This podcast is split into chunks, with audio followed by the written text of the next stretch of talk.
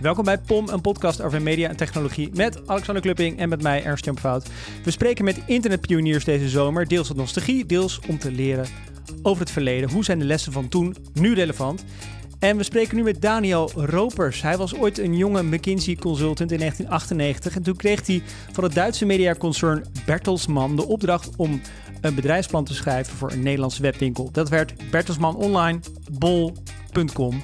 En uh, dat liep natuurlijk voor Bol en voor Daniel heel goed af. Er zat alleen een enorme crisis tussen, de dotcom-bubbel.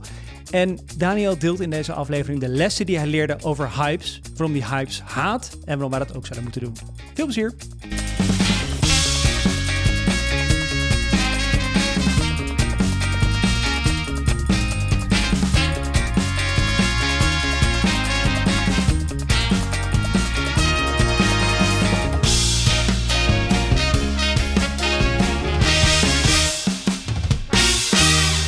Daniel, wanneer kreeg jij voor het eerst internet?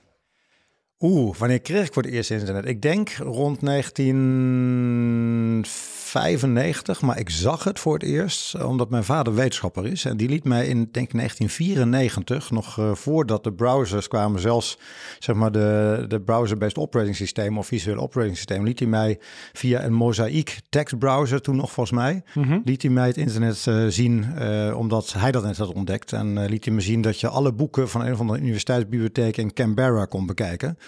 mij leek, het, ja, mij leek het niet zo heel nuttig. En liet dan ook zien dat je kon zien op welke tijden de bus daar vertrok van de campus naar de stad.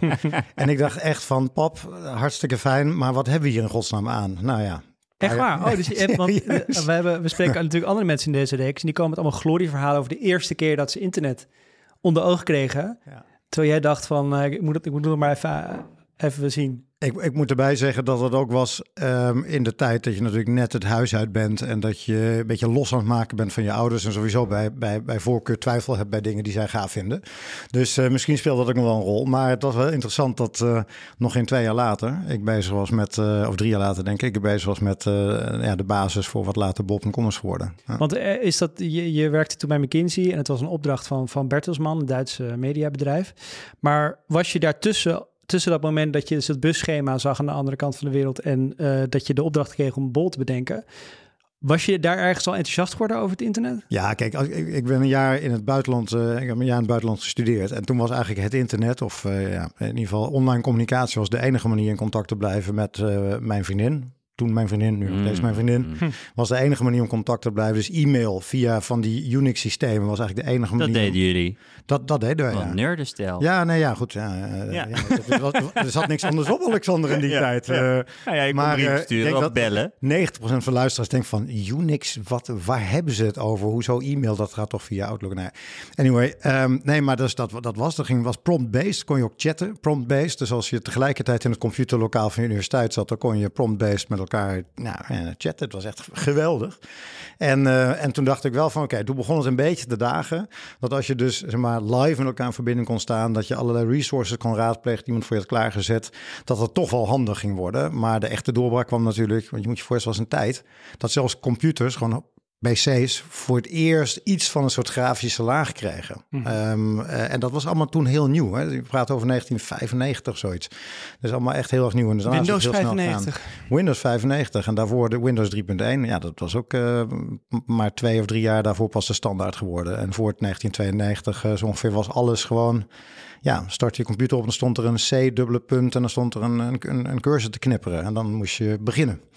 Ja, dus dat, dus dat is wel heel snel gegaan. Maar ik moet zeggen, uh, ja, toen begon het wel te dagen. Maar uh, twee, drie jaar later, toen eigenlijk de, de investeerdershype de echte ontwikkelingen zo had ingehaald dat in alle kranten, eh, op tv, overal ging het alleen maar over wat het internet zou betekenen. De dotcom-bubbel. De, dot, de beginnende dotcom-bubbel. Hoe oud was je toen bij de toen was ik, um, Toen was ik denk ik 24 of zo. Ja, precies. Zoiets. En dacht je toen, ik wil, I want a piece of that? Um, nee, zeker niet. Zeker niet. Okay. Zo begon het niet. Ik werkte gewoon bij McKinsey als uh, jonge gast. En uh, ik werd gevraagd om na te denken wat het internet zou kunnen betekenen voor een van de grootste media concerns ter wereld. Je had er wel affiniteit mee, dus toen je bij McKinsey werkte. Ja, nou laat zeggen, ik had er wel al iets mee gedaan. maar je moet zeggen, ik werk natuurlijk met alleen maar jonge mensen. En, en, en mensen die bezig waren toch met ook kijken... wat kan die technologie nou voor je werk betekenen? En ja, ook bij McKinsey zat iedereen een computer met een internetverbinding... met een CompuServe Cool. Oh ja, ja zeker. Ja, precies. Heel veel uh, en, um, en, en, ook zelfs, uh, en natuurlijk met een goede mobiele telefoon en zelfs de mogelijkheid om, uh, als ik me niet, als ik niet lieg, om via de mobiele telefoon ook te kunnen inloggen. Het was echt wel heel voorlijk dat bedrijf, omdat natuurlijk informatie uitwisselen, beschikbaar zijn, elkaar snel kunnen vinden, data, informatie met elkaar delen, wel in de kern is ook van zo'n McKinsey business model. Maar je kreeg het niet specifiek, jij kreeg die opdracht, het was gewoon meer een paar nee, junior consultants. Nee, het was wel, het was wel gewoon een project van van Bertelsmann. Die hadden bedacht dat, uh, die waren ook heel vroeg met internet. Bert, Bertelsmann is een groot Duits media. Ja, dat moet ik even, nou, moet ik even uitleggen. In die tijd, dus uh, midden jaren negentig, was Bertelsmann uh, een van de allergrootste mediaconcerns ter wereld. Um, een Duits familiebedrijf. Um, uh, in die tijd uh, voor een belangrijk deel eigenaar, maar nog niet meerderheidsaandeelhouder van RTL. Uh, dat hm. kennen we natuurlijk nog steeds. Is nog steeds van Bertelsmann. Maar ook eigenaar van de grootste boekuitgeverij ter wereld. Een van de grootste platenmaatschappijen ter wereld. een van de grootste videodistributeurs ter wereld. En, um, en een groot servicebedrijf. En wat ze ook hadden, waren de boeken- en muziek- en filmclubs. Nou, dat moet ik denk ik ook even uitleggen voor iedereen uh, ja. die, die, uh, die, die, uh, die niet mijn leeftijd heeft.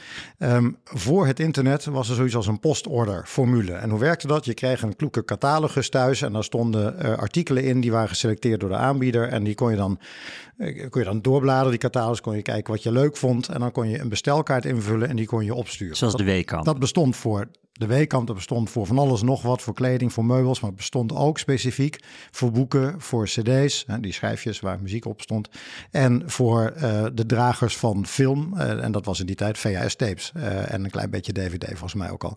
Um, en Bertelsmann had, had, eigenlijk de leidende postorderformule voor mediaproducten in de wereld. Uh, die baten boekenclubs uit, muziekclubs, filmclubs. En de formule was, als je lid wordt van die club, krijg je op een deel van het assortiment krijg je korting. Maar dan moet je wel eens in de zoveel tijd een van die boeken of cd's of films moet je bestellen.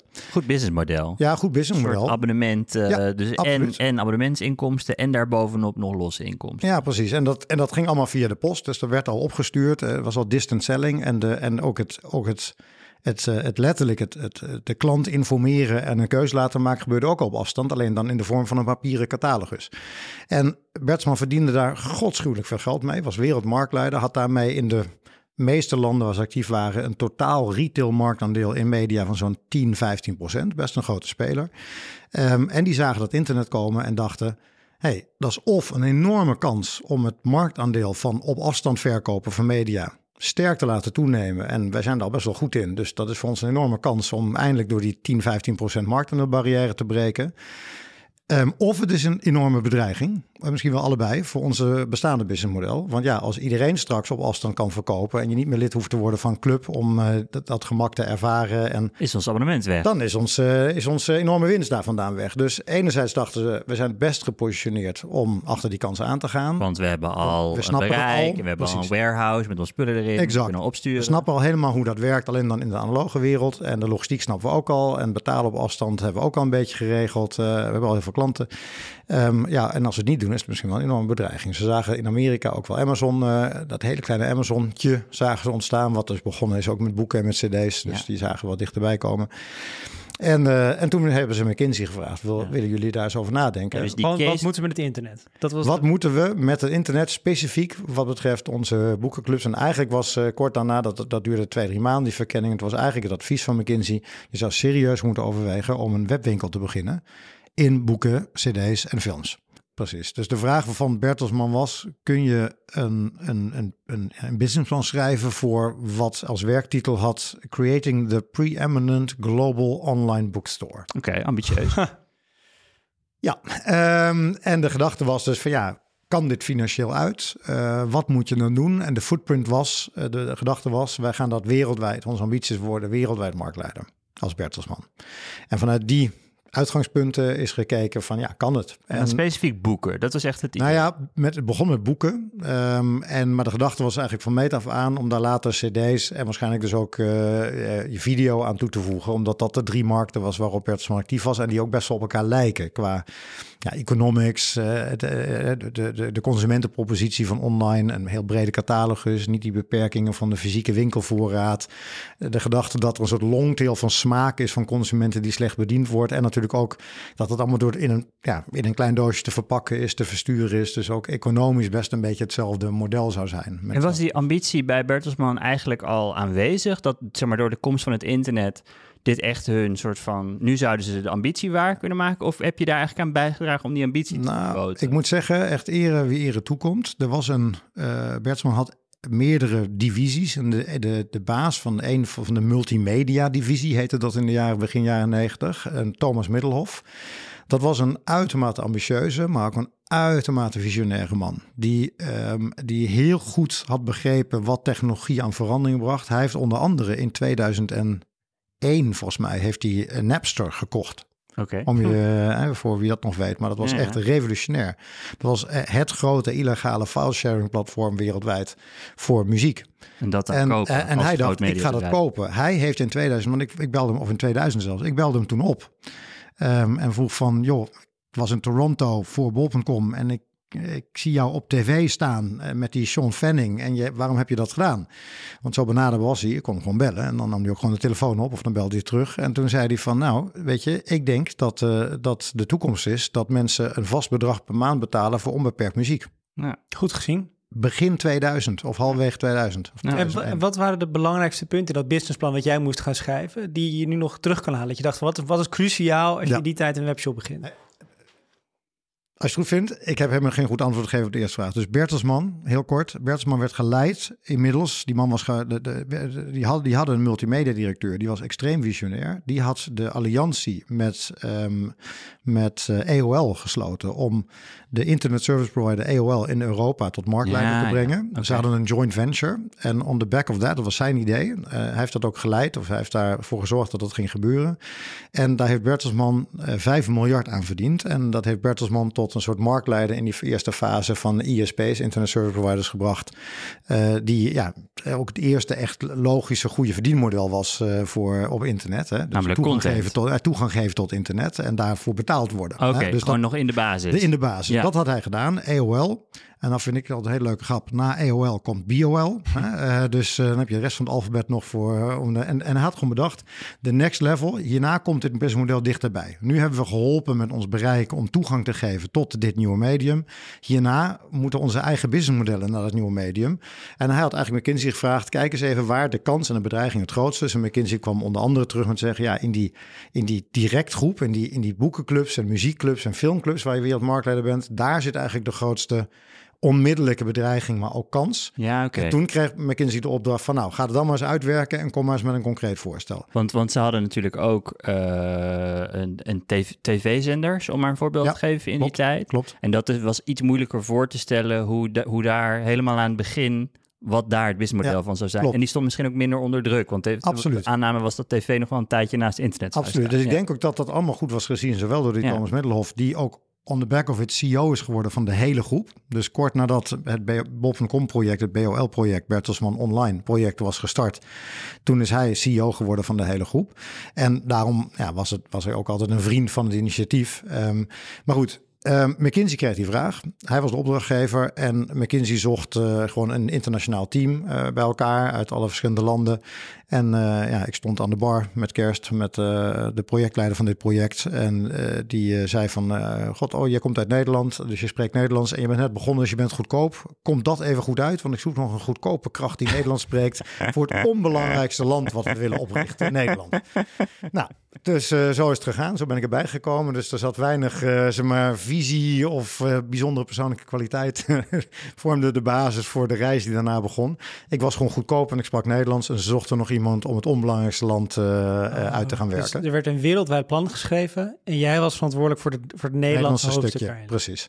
Dus ik ging nog aan de, aan de gang en we gingen ons helemaal verdiepen in ja, wat, welke businessmodellen zijn er al, hoe werkt dat nou? Ja, hoe was dat toen in Nederland? Ja, dit is, wat schrijven we nu? Tijd. De, nu, um, dus het was kerst 97, dus um, begin 98. Hoe was uh, internet toen in Nederland?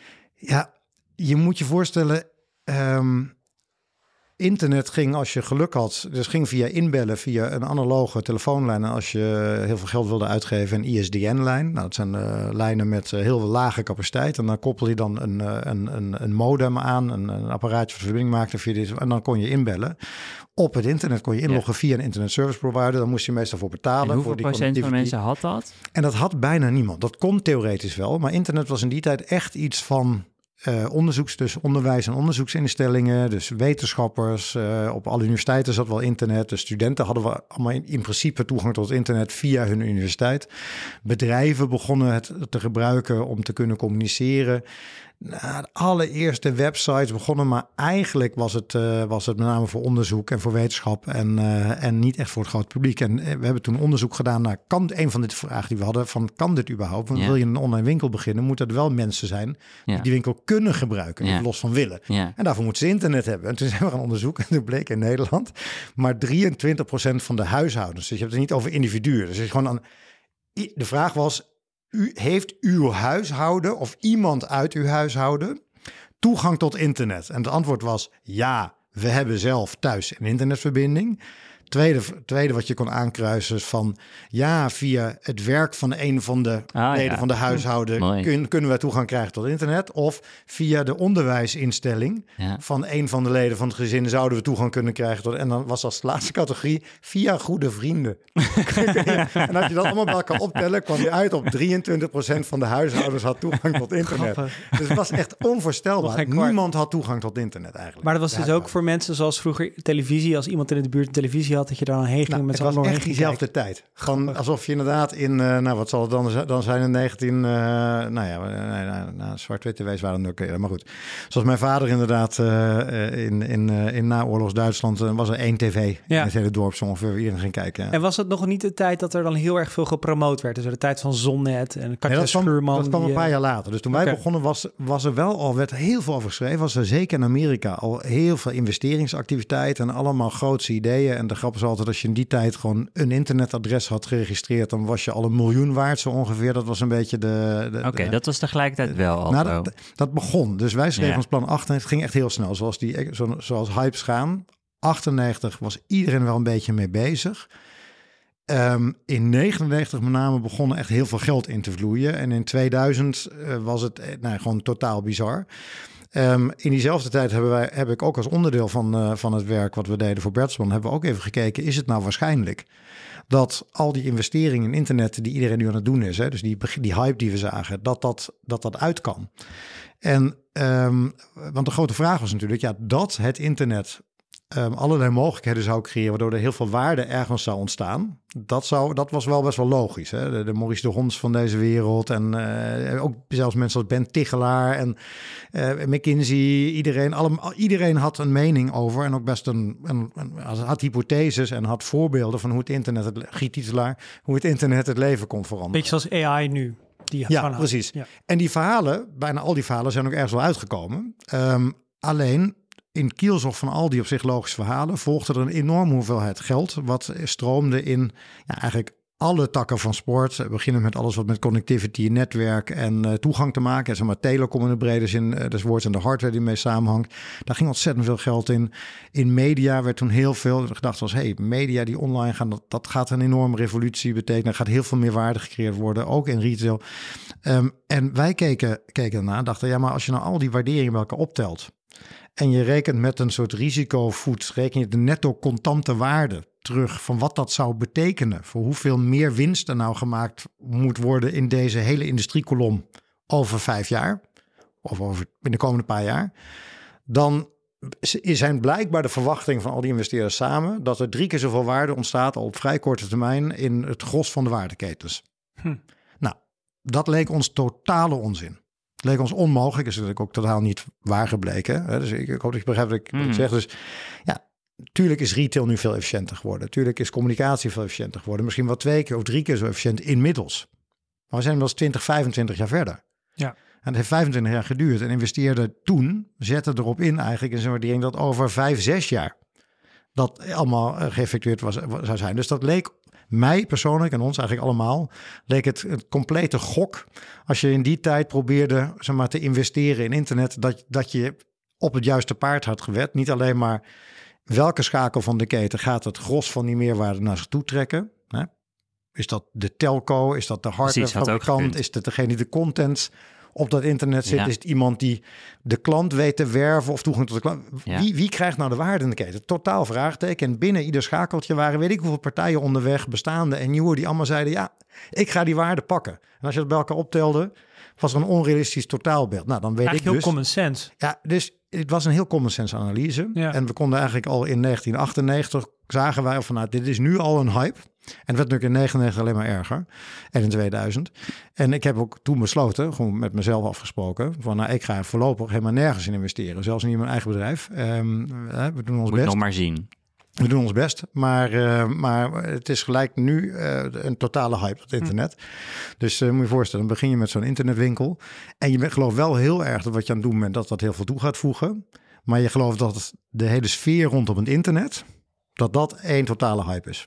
Uh, de hele investering. Dus voorzichtig enthousiasme was jouw houding. Nou ja, laten we zeggen, ik wilde me, ik wilde, ik hoorde in ieder geval niet bij de mensen die zeiden van, uh, die, die gingen investeren in World Online of die, uh, die zeiden van, nou de hele wereld staat over vijf jaar helemaal op zijn kop door het internet. Dat geloofde ik helemaal niet. Ook omdat ik natuurlijk wist hoeveel onzekerheid er was in ons eigen plan. Hoeveel dingen er juist moesten blijken te zijn voordat het uitkomt. We hadden een business, businessplan geschreven waarin we jaar 11 tot oneindig hebben moeten modelleren om de begininvesteringen in de Nederlandse tak weer terug te kunnen verdienen.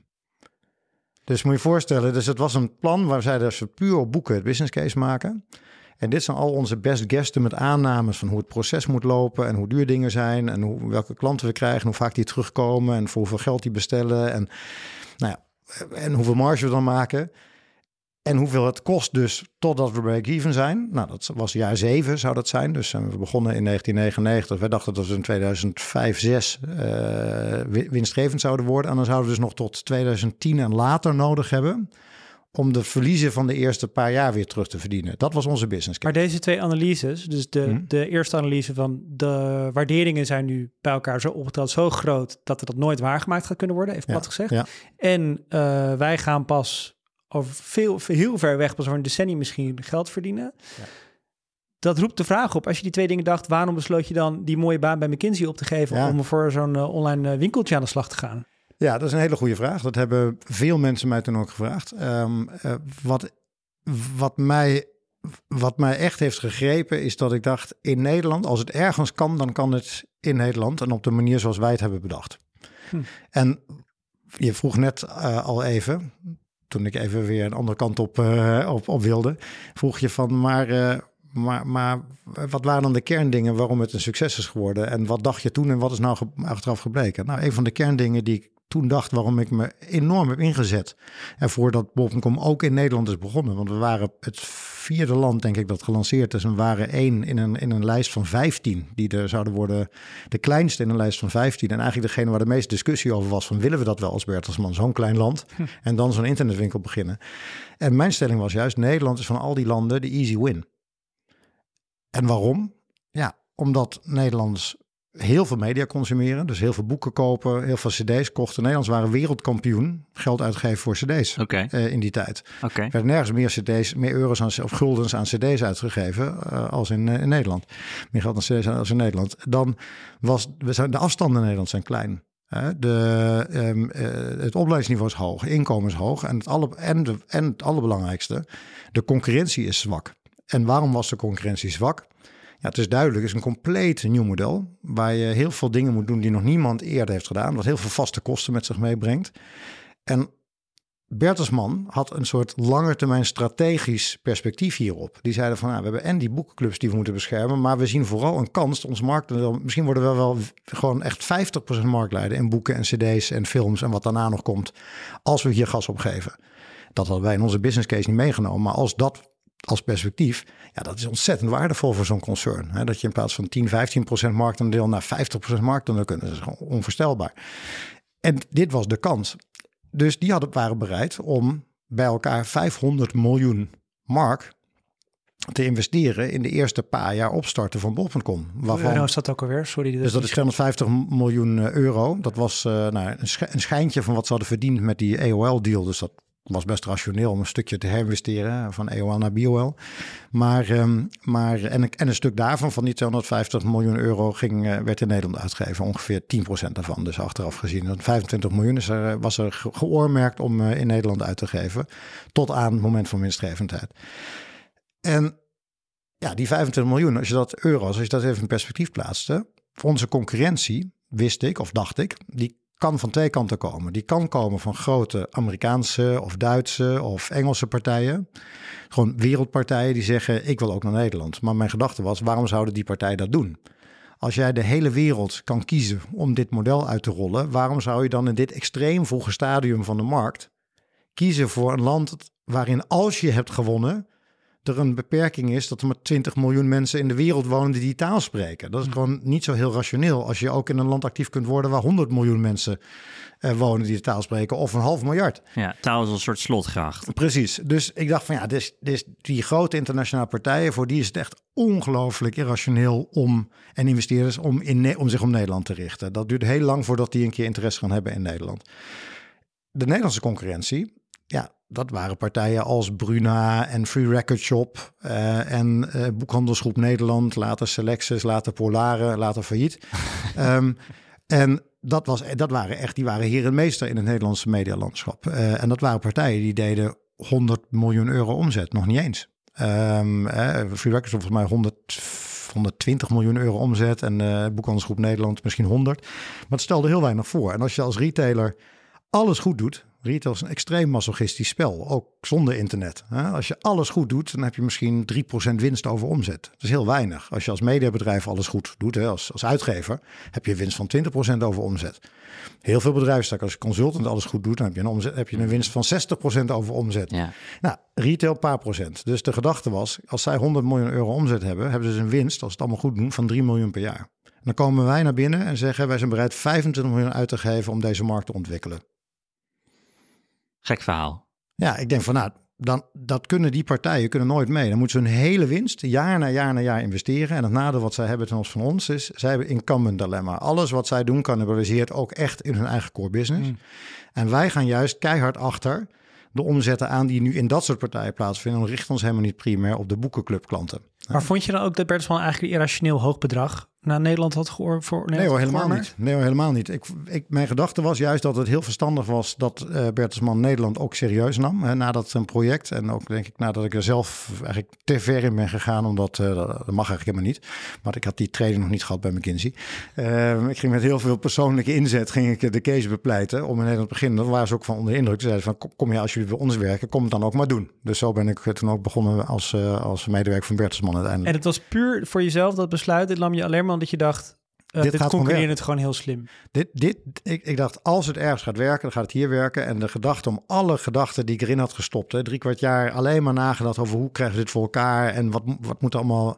Nou, het was een soort alsof je helemaal, zeg maar, de geboorte van een baby, helemaal uitgedacht, de baby helemaal heeft verwekt, helemaal bij was elke fase van de zwangerschap. En dan gaat hij bijna geboren worden. En dan zeg je van, nou, ik ga weer door naar een ander project. Ik ga voor een, uh, een groot railvervoerbedrijf van een groot Europees land ga ik een strategieproject doen. Dat is toch helemaal niet leuk? Je was nooit ik, een goede bij zijn om dit, uh, om dit geboren te zien worden. Je was nooit een goede consultant geweest. Ja, ik, ik, toch? Je gewoon te gehecht aan je, aan je ik eerste was heel erg gehecht dan uh, absoluut. Je hebt helemaal gelijk. En, um, en, en ik dacht, ik wil dit gewoon doen. En als het um, en ik heb het eerst als sabbatical gedaan, een jaar vrijgenomen van McKinsey om het te helpen opstarten.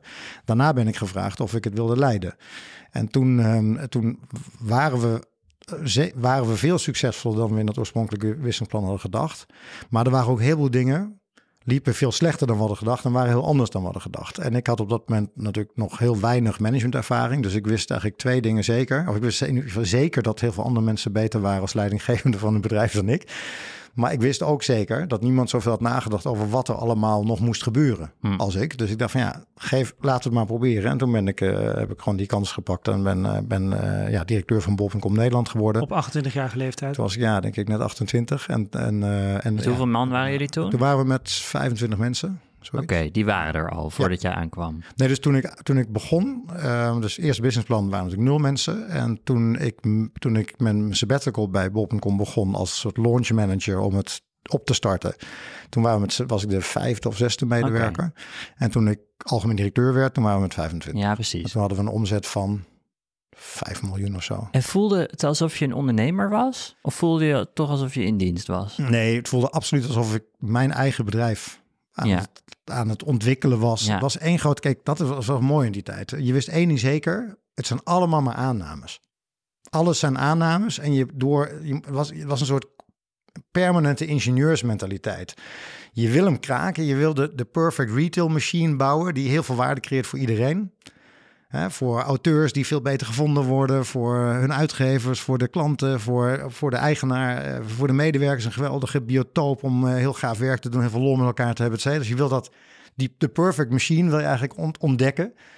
Maar is er nog niet. En je kunt het alleen maar ontdekken door op basis van je aannames dingen te proberen, heel snel te leren en nou, iedereen bij te betrekken. En het was één grote ontdekkingsreis. Bol.com eigenlijk denk tot de dag van vandaag is één groot bedrijfskundig experiment. Maar als je in een, in een uh, milieu opereert waar 23% toegang heeft tot het internet, ja. desnoods via goede ja. en je weet in het eerste paar jaar al 5 miljoen omzet te draaien, dat is toch 5 miljoen gulden? Of? Ja, 5 miljoen, nee, 10 miljoen gulden was 10, 10 miljoen gulden. Ja, 5 dat is toch best, best oké okay dan, dat begin, of niet? Uh, waar, ja, maar we hadden ook wel uit, marketinguitgaven van een paar miljoen gulden. Mm. Dus uh, het was ook heel veel. Het waren ook heel de veel klanten die begon iets... een beetje te, te, begon een beetje op te komen toen. Ja, dit ja, dus begin dat, 1999, 2000. Dus we kregen wel heel veel rugwind van het feit dat natuurlijk al die internet service providers die allemaal hun abonnement ja. aan het verkopen waren, de Zonnets van deze wereld en World Online en iedereen Planet Internet was natuurlijk al uh, World X. Zoveel partijen.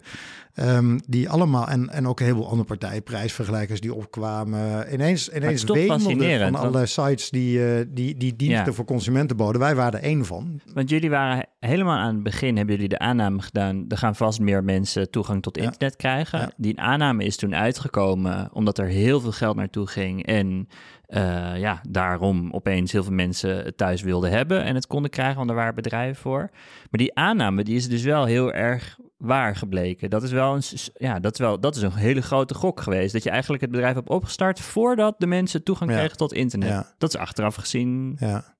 Ja, dat is, dat is zo. Maar we dachten wel, dit is een kip en een ei. En je ziet het ook een aantal van de ja. keuzes die we hebben gemaakt. We, we, we hadden natuurlijk onderzocht onder mensen van... zou je het nou fijn vinden als uh, als je veel meer keuzes zou hebben. Zou je het fijn vinden om at your fingertips alle boeken te kunnen uitkiezen en daar iets over te, informatie te vinden en aanbeveling te vinden? Zou je het fijn vinden om niet uh, naar de stad te hoeven voor, uh, voor die, dat kleine assortiment van je free record shop als je het geluk hebt dat er in je stad is, maar dat, dat je gewoon vanuit je luisterstoel 400.000 verschillende cd's, inclusief alle oude. En, hmm. en iedereen zei van ja, dat vind ik wel gaaf. En zou je het dan gaaf vinden als dat net zo duur is of misschien wel goedkoper dan wat het nu kost. Ja, nog veel mooier. Dus we hadden wel onderzocht dat mensen hier wel echt warm voor liepen. Alleen ze zeiden allemaal van ja, maar ja, um, ja, ik heb nu geen internet. Dus we wisten ook van het hangt er dus wel vanaf. En, en, en zolang er niks leuks is op internet, dan ga ik het niet hebben. Maar als er wel dingen komen op internet die zinvol zijn, dan heb ik je best interesse in. Hey, en die, want er waren dus concurrenten ja. in de vorm van uh, bijvoorbeeld de Weekamp op een bepaalde ja. manier een concurrent. Of de Free Record Shop, meer retailers. Uh, hebben die heel snel diezelfde slag uh, doorgemaakt? Of duurde dat langer?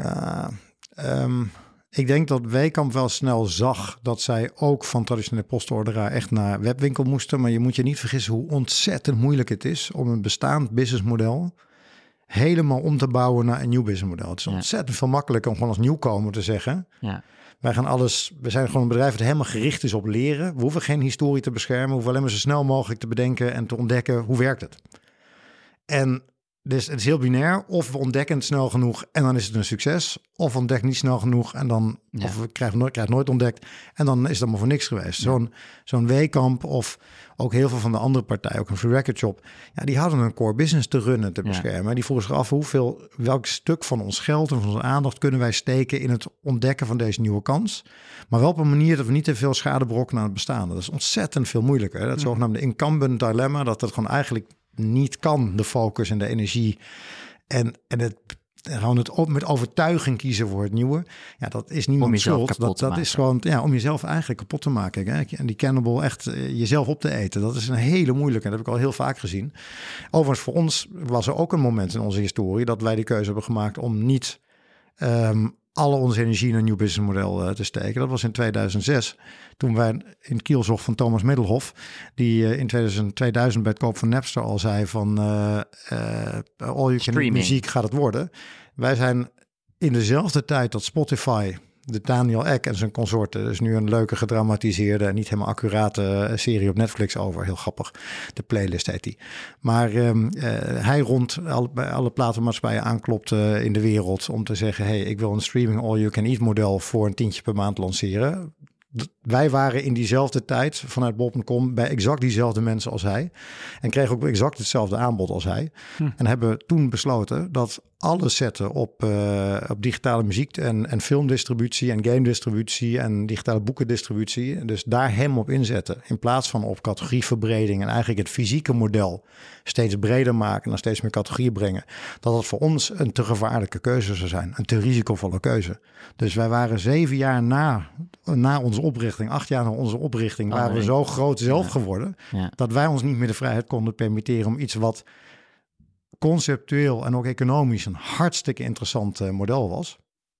De next level van mhm. muziek eigenlijk. Ja. Mhm. Om dat zelf zo na te jagen zoals wij de grote disruptor waren in uh, nog maar een paar jaar daarvoor. Dat is wel grappig, want ja, het onderstreept natuurlijk je punt. Maar achteraf gezien, de inzetten op de business van cd's en dvd's...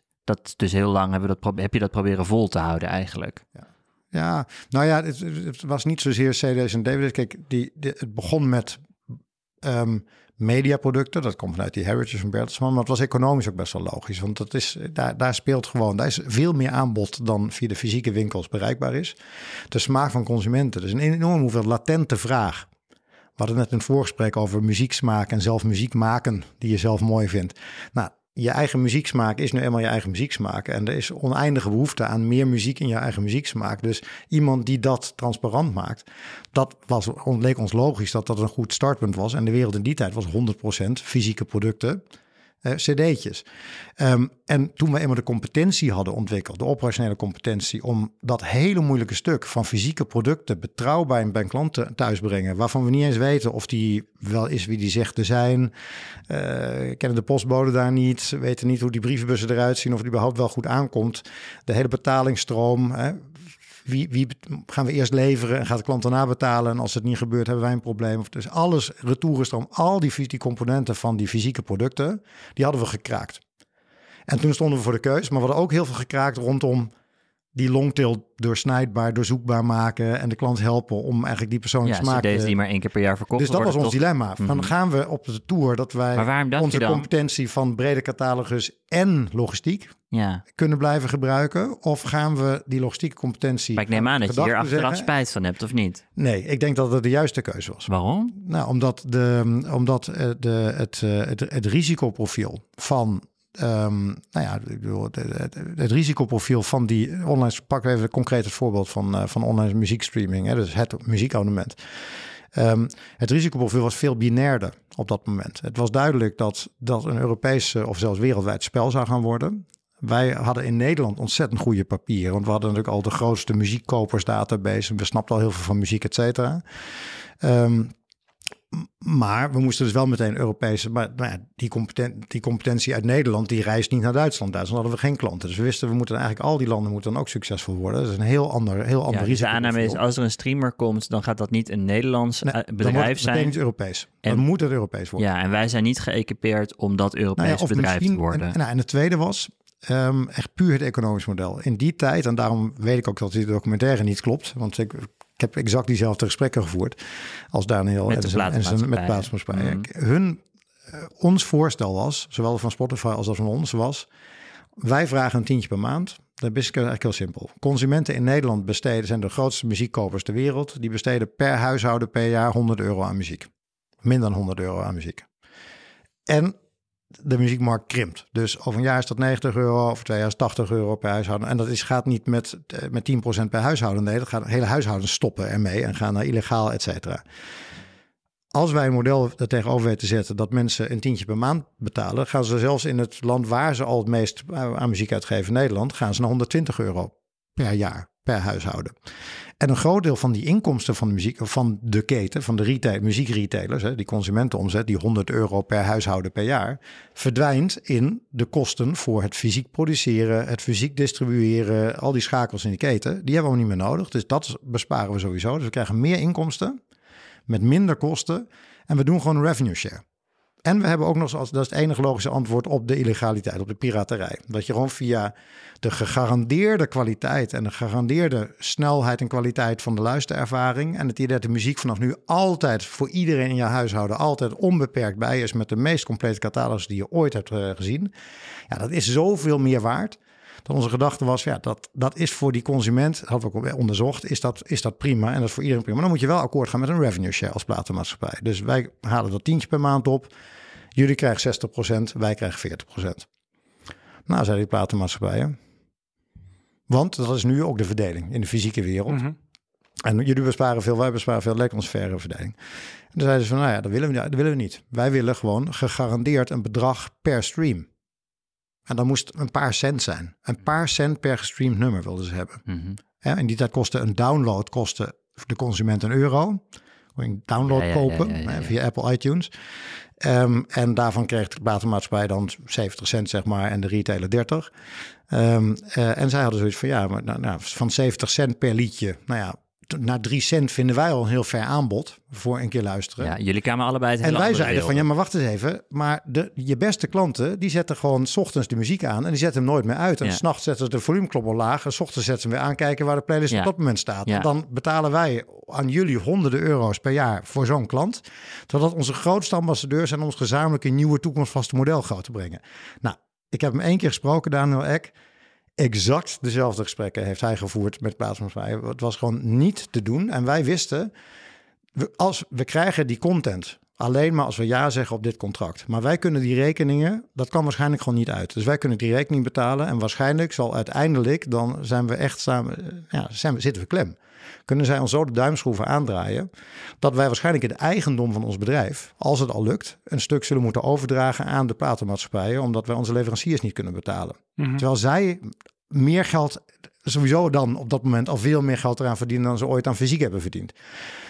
Exact zo is het teruggaan. Platenmaatschappij, Universal is volgens mij een van de grootste aandeelhouders van Spotify. Ja. Als we nog eh, dvd's hadden gehad, was dit een mooie extra geweest op de dvd van de playlist. Ja, Wat ja, context bij ja, de, hoe het ja. echt gegaan is. Ja. Even terug naar die tijd dat we nog dvd's hadden. Want Ja, eh, de dotcom-bubbel moest nog aankomen in jouw verhaal.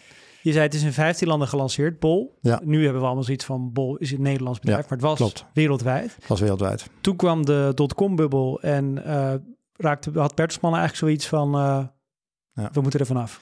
Ja, de bubbel barstte. Thomas Middelhoff eh, die vloog eruit. Hè. De Mhm. familie had het gehad met hem. Hij probeerde ook het bedrijf eigenlijk naar de beurs te brengen. Hij wilde eigenlijk niet met mijn familie even maken. Hij viel in ongenade. Heeft dat denk ik ook niet helemaal handig aangepakt. Maar goed. En toen kwam een oude vertrouweling van de familie... die deze Thomas Middelhoff net eigenlijk vervroegd met pensioen had gestuurd... kwam terug van pensioen en werd een nieuwe CEO van de groep. En ik wist toen al, maar ik wist eigenlijk toen al een tijdje, van ja, dat hele Bol.com project is aan het falen. Want alleen Nederland doet het veel beter dan verwacht. En in alle andere landen gaat het eigenlijk een stuk minder dan verwacht. Kwam dat dan?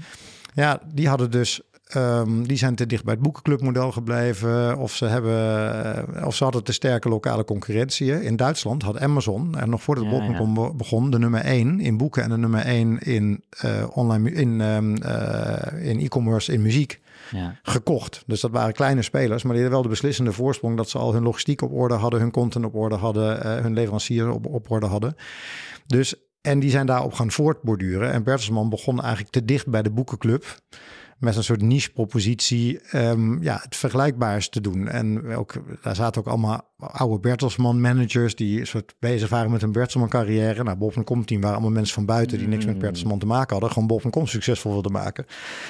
Nou en de concurrentie was sterker in die grotere landen. Eigenlijk precies eh, ja, wat ik als belangrijke factor wel had gezien in ons McKinsey-onderzoek. Van als je heel veel sterke concurrentie krijgt op je markt, dan is het meer een gok of het lukt of niet. Ehm, Uh, even afgezien van de vraag of het model überhaupt uit kan. En uh, dus dat speelde daar wel, wel apart. Er was ook veel vaker wisseling van de wacht. Hè. Wij hadden een heel stabiel, team en de kennis werd eigenlijk alleen maar dieper en dieper. En zij hadden eigenlijk elk jaar weer een nieuwe managing director in die andere landen, of elke twee jaar. Dat helpt dan ook niet, hè, om een beetje koersvast op je learning journey te blijven. In ieder geval, lang van kort. Bertelsman Um, dus die, dat Bol.com dat bleef wel overeind, maar stond bovenaan de lijst van grootste verliesmakers van Bertelsmann op groepsniveau. Mm Stond ook bovenaan de lijst van bedrijven die voor de grootste winstverbetering van Bertelsmann gingen zorgen in de komende drie jaar door minder verlies te laten zien. Dat was dan dus leerde ik ook van hoe relatief is zo'n toplijstje. Je kan dus in het toplijstje van, de, van de sukkel staan en het toplijstje van de helden door minder een sukkel te worden. Nee, goed, anyway. Maar toen wist ik dus wel van als er ooit die Thomas Middelhof weg is, dan uh, gaat uh, een nieuwe CEO die zijn Machiavelli heeft gelezen, die gaat meteen de dorpsgek opknopen. En de dorpsgek was evident voor iedereen bol.com. Hm. Het netwerk bol.com. Dat enorme waterhoofd van een organisatie met een hoofdkantoor op Times Square in, uh, in nee, zeg ik het goed? Times Square in, uh, in New York. Uh, dat is Bertelsmann Building. En met een hoofdkantoor uh, in, in Zwitserland. En nog een derde hoofdkantoor bij het hoofdkantoor van Bertelsmann. En dan al die landenorganisaties waarvan het merendeel niet presteerde. Dus ik dacht, dit, is een, dit, dit, gaat gewoon een keer, gaat hier iemand de stekker uittrekken. En ik wilde per se door met bol.com. Hm. Dus ik had een standalone plan geschreven. En waarom, deze, waarom wil je zo graag Omdat ik dacht van, ik wist het ook niet of het zou lukken. Ja. Maar 2002 toen dit begon te spelen, toen wist ik wel dat we eigenlijk al het punt gepasseerd waren dat er nog twijfel zou moeten zijn of Bol.com Nederland bestaansrecht had.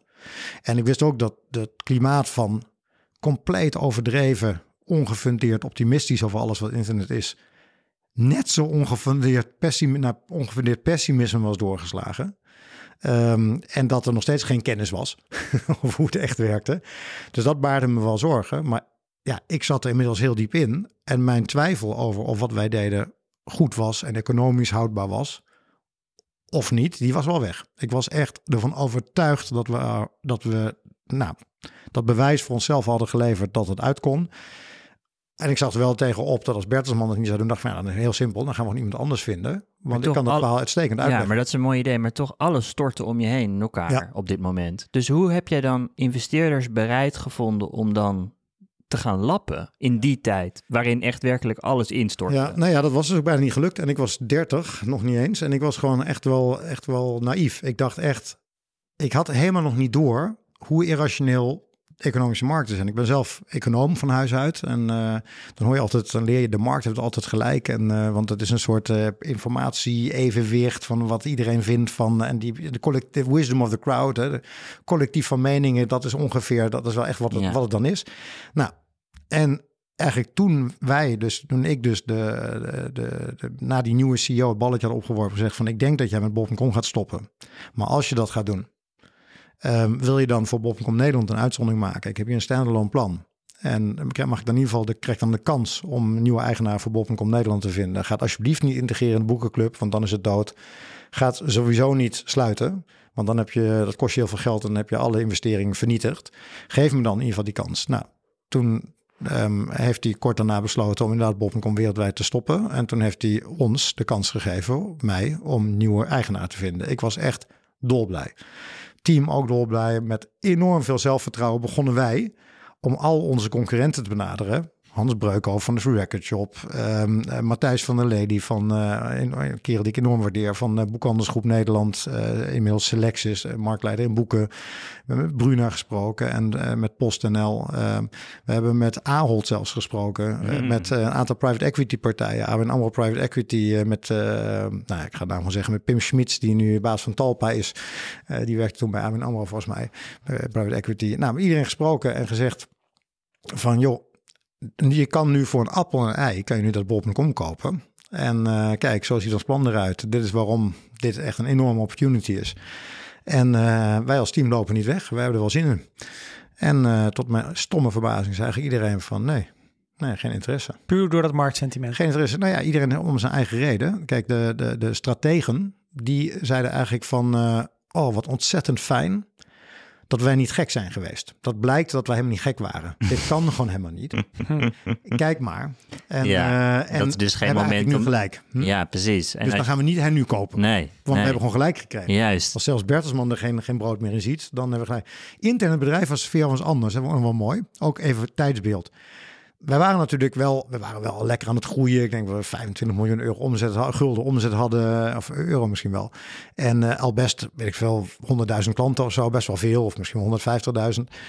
Um, en we deden best veel tv-marketing met die bolle mannetjes en zo. Dat uh, herinnert natuurlijk nog wel die, die, die leeftijd heeft. Maar, uh, maar ja, we waren wel een klein bedrijfje, vonden we zelf. Hè? Er werkten toen denk ik 60 mensen of zo. En, en toen we dus, toen Bertelsmann dus besloten om mee te stoppen... en dat dus ook nieuws werd in Nederland... toen stond dus op teletext... Bertelsmann stopt met bol.com. Hm. En in plaats van dat het hele bedrijf in zak en as zat, zoveel zelfvertrouwen hadden we, was het echt van: jongens, heb je het gezien? We staan op teletext. We staan op teletext. Ik ben helemaal blij. We staan op teletext. We bestaan, we bestaan. We zijn een belangrijk bedrijf. Zo ontzettend schattig en zo ontzettend grappig, maar echt tekenend voor de sfeer en voor de media van die tijd. Teletext was echt een heel belangrijke nieuwsbron. Um, uh, anyway, dus, dus wij, de, dus, dus die strategen die, hadden, die dachten van nou, gelukkig hebben wij niet nog meer geld gestoken in onze eigen initiatieven en kunnen nu weer rustig verder slapen. Dus die wilden het niet hebben. De hele grote groepen, zoals Ahold, die had zoiets van ja, maar even voordat een bol.com in de buurt komt van wat wij als grote supermarktketen met onze internationale strategie zijn, nou dan zijn we nog wel heel eind verder. Nou, quod era doen, want uh, weet allemaal hoe het is afgelopen. Ja. Nee? Mm -hmm. Maar en de, en de investeringsmaatschappijen. Nou, was iemand die heeft letterlijk tegen mij zegt: Daniel, ik geloof jou dat jouw bedrijf een fantastisch bedrijf is. En ik geloof dat het ook een hele goede investering zou zijn. Maar wij hebben net, de internetbubbel is net gebarsten. We hebben enorm veel slechte investeringen moeten afschrijven. De helft van het team is ontslagen. Ik zit er nog. Als ik nu terugga naar mijn investment committee en zeg: Ik heb een briljant idee. We gaan een verlieslatend business to consumer e-commerce bedrijf investeren. Dan denken ze dat ik alsnog helemaal gek ben geworden. En ben ik alsnog mijn baan kwijt. Dus dat ga ik gewoon niet doen. Het sentiment was gewoon zo slecht. En dat werd ik door de cijfers wel gestaafd. Achteraf zag ik dat uh, Q4 2002, uh, 2002, toen ik dus zeg maar bezig was het bedrijf te verkopen, is het laagste bedrag ooit geweest. Hm van investeringen in, zeg maar, uh, in startende bedrijven. Of kleine bedrijven met een, met een goede, goede groeipad. Echt een fractie van wat het, uh, wat het daarvoor was geweest. Ja, en toen heeft het dus aan de zijde draadje gehangen. Ik had in die tijd ook echt nachtmerries. Dat me, allemaal medewerkers om me heen uh, stonden op mijn bed van... je hebt tegen ons gelogen en we zijn maar geen goed bedrijf. En we, hebben, we hebben jou vertrouwd en je hebt ons teleurgesteld. En ik heb nooit nachtmerries over mijn werk, maar die herinner ik me nog wel. Um, en gelukkig kwam toen uh, drie Duitse investeerders die samenwerkten en samen investeerden waren in de nummer drie in e-commerce in Duitsland. Dus die na Amazon en bol.de de nummer drie in de markt waren. Mm -hmm. En die waren al jaren bezig om hun eigen uh, versie van bol.com in Duitsland aan de praat te krijgen. En hadden dus echt diepe kennis van wat komt ja, er allemaal ja. bij kijken. En die keken naar Bol.com en hadden zoiets van... Holy, shit. shit, zij hebben het Dit gewoon draait. voor elkaar. Ja, Dit draait gewoon wel. We kunnen hier ontzettend veel leren. Wat een topteam. Ze hebben al die economics en veel beter. Ja, ze zijn er gewoon al. Wat? Kunnen bijna niet geloven dat we dit voor zo weinig geld kunnen kopen. En wij waren dolblij dat er op het laatste moment, echt op het laatste moment, nog één iemand kwam die het wilde kopen. Want ik wilde, ja, ik was echt al bezig om zelf, zeg maar, financiers op te lijnen, kijken of ik mijn eigen geld erin kon steken. En Bertelsmann zei, dat gaan we niet toestaan, want jij moet het voor ons verkopen. Als jij zou verkopen wordt, ja, dan kunnen we net, dat vertrouwen we gewoon niet. Dus jij mag sowieso niet kopen. Je moet iemand van buiten vinden. Maar dit is zo leerzaam dat je, als je hier naar luistert en bedenkt, we hebben nu ook hypes gehad ja. en, en uh, een crypto winter, ja. waar we nu in zitten om de laatste fintech hype. Fintech hype en nu zitten we in de AI hype. Hoe je dus je hoofd cool kunt houden in zowel de aanloop naar de hype ja, als in ja. de aftermath van de hype. Het, de after, echte aftermath was um, toen we dus die nieuwe eigenaar hadden gevonden en wij als team elkaar aankeken en zeiden: dit gaat de allerlaatste keer zijn dat wij afhankelijk zijn van het sentiment van aandeelhouders over de vraag of wij bestaansrecht hebben. Hm. We hebben toen gezegd: wij gaan nooit meer. Dit was zo traumatisch. Dit gaat ons nooit meer overkomen. Wij gaan vanaf nu altijd onze eigen broek ophouden. En, um, en zelf bepalen wanneer het tijd wordt een nieuwe aandeelhouder te kiezen. Of als, als een aandeelhouder zelf geen zin om heeft, wie de, wie de volgende wordt. En dat hebben we dan ook gedaan. Dus uh, we hebben eigenlijk, en dat heeft ook nadelen gehad. We hebben zodanig belang gehecht aan winstgevendheid en positieve cashflow. Dat wij op een gegeven moment, de jaren na dat trauma van 2002, 2003, eigenlijk veel te langzaam ons bedrijf zijn gaan opschalen. We zijn vrij langzaam onze categorieën gaan uitbreiden. één productgroep per jaar. Zonder visiegeld. Zonder visiegeld, alles met eigen geld. Mm -hmm. We waren uitermate winstgevend en nog veel meer cashflow. Om even wat cijfers te noemen. Het bedrijf is voor een paar miljoen euro in 2003 verkocht. En ik geloof dat wij in 2006 iets van 15 miljoen dividend, dus maar een deel van de winst hebben uitgekeerd aan de aandeelhouder. Um, dus we waren in een paar jaar tijd van een paar miljoen waard naar 15 miljoen per jaar over hebben om, om te geven aan onze aandeelhouder uh, gegroeid. Um, en uh, dat is wel een teken ervan hoe, hoe weinig we eigenlijk, of hoe weinig we gebruik hebben gemaakt, zelfs zonder externe financiering, gewoon van onze eigen mogelijkheden om sneller te groeien. Um, en um, en wat dat betreft was het wel was het dus heel goed dat we eh, zeg maar, die, die, dat trauma hebben meegemaakt van het niet, niet willen vertrouwen op de externe markt, hè, op de financieringsmarkt en gewoon zelf kunnen bepalen. Maar het heeft ook een nadeel opgeleverd. We zijn eigenlijk een paar jaar te voorzichtig geweest. Um, het mooie is wel, ja, door die voorzichtigheid was wel zo, alles wat we deden werkte wel. er was heel veel aandacht voor alles wat we deden. Eh, heel veel, heel veel detailaandacht om dingen goed te doen. En eh, ja, we waren het bedrijf niet aan het overstretchen. Wat je wel veel ziet bij groeibedrijven. Dat ze eigenlijk te hard willen gaan. En dan kan het je ook allemaal uit de vingers glippen. Totaal chaotisch worden. Dat is bij Bol.com eigenlijk nooit aan de hand geweest. En toen we in 2000 en uh, negen eigenlijk een beetje verrassend. Uh, onze aandeelhouder zei van joh, ik heb heel snel geld nodig, want kredietcrisis en mijn core business staat onder water. Toen waren we eigenlijk binnen drie maanden zover dat we precies wisten wat ons verhaal was, wie we als nieuwe aandeelhouders willen. Die kregen we ook. Hè, twee Nederlandse investeringsmaatschappijen, niet één, maar twee. Geen hele grote, maar kleinere. En, um, uh, en toen we twee jaar daarna zeiden van hé, hey, we moeten aansluiting hebben bij een grote strateeg. En het moet of Naspers worden, dus het huidige Prozus, of Ahold. Dat waren de twee uh, bedrijven die we hadden bedacht.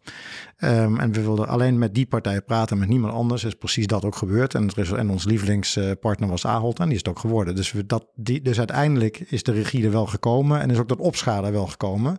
Maar ik denk, als we het was beter geweest als ze twee, drie jaar eerder waren begonnen. Die versnelde categorieverbreding uh, naar Marktplaats, naar België. Dat hadden we allemaal twee, drie jaar eerder kunnen doen als we niet die traumatische belevenis van die swings hebben gehad. Maar tot de dag van vandaag, ik, eh, eh het is wel waar. Ik ben ongelooflijk achterdochtig en ik kan er ook niet over hypes. Mhm. En ik kan er ook niet van genieten. Ook als ik zelf heel veel geld verdien, want ik ben natuurlijk nu wel hier en daar geïnvesteerd. En ook bij bedrijven die dan ineens heel veel waard worden. Waarvan ik denk van ja, ja dat zijn ook hele goede bedrijven, anders had ik nooit geïnvesteerd. Maar nu zijn ze echt veel te veel waard. Ik kan daar eigenlijk niet van genieten. Zelfs als dat geld dan op mijn bankrekening staat. Ik vind het gewoon niet goed. Het is niet gezond. Het zou veel fijner zijn als er echt meer inhoudelijk begrip was van de dingen. En hoe meer ik nu ook voor investeerders werk, ik werk nu vrij veel voor investeerders. Mijn belangrijkste bijdrage is eigenlijk altijd om daar waar zij overdreven pessimistisch zijn of niet goed begrijpen welke afslagen ze wel of niet moeten doen op een verhaal van een management, help ik hen denk ik om een realistisch beeld te schetsen. Maar ook als zij zeggen, ja, maar de markt gaat fantastisch en we moeten nu en zo en we kunnen echt nog wel meer financieren. Dat van jongens, ja, maar als de markt over twee jaar weer anders zich voelt, dan breng je jezelf en het bedrijf een groot probleem. Dus doe dat nou niet. Als je dat moet doen om het bedrijf te kunnen kopen, dan doe het liever niet. Dus dat is nu eigenlijk mijn rol, om de managementteams te helpen met implementeren en de investeerder te helpen, het niet te onderschatten, maar ook niet te overschatten. Dank voor het delen van dit jongensboekverhaal, Daniel. Ja, het is heel leuk om een onderdeel van zo'n onwijze journey te mogen zijn. En je kunt je wel voorstellen dat het voor mij ook voelt als ja, gewoon, ja, weet ik niet, klein duimpje. Ik weet niet wat het juiste woord is, maar dat je, je, je begint eraan, je zit er middenin, je kijkt verwonderd om je heen en je probeert er het beste, het beste van te maken. En ik denk wel eens van, ja, iedereen doet ook maar wat. En ik natuurlijk ook. Ja, maar kan zijn. vertel er wel graag. Het kan zijn, maar mensen zoals jij hebben het internet gemaakt zoals het nu is in Nederland. En dat is heel erg leuk. En dank dat je daarover wilde vertellen. Dit was Pom. Tot volgende week.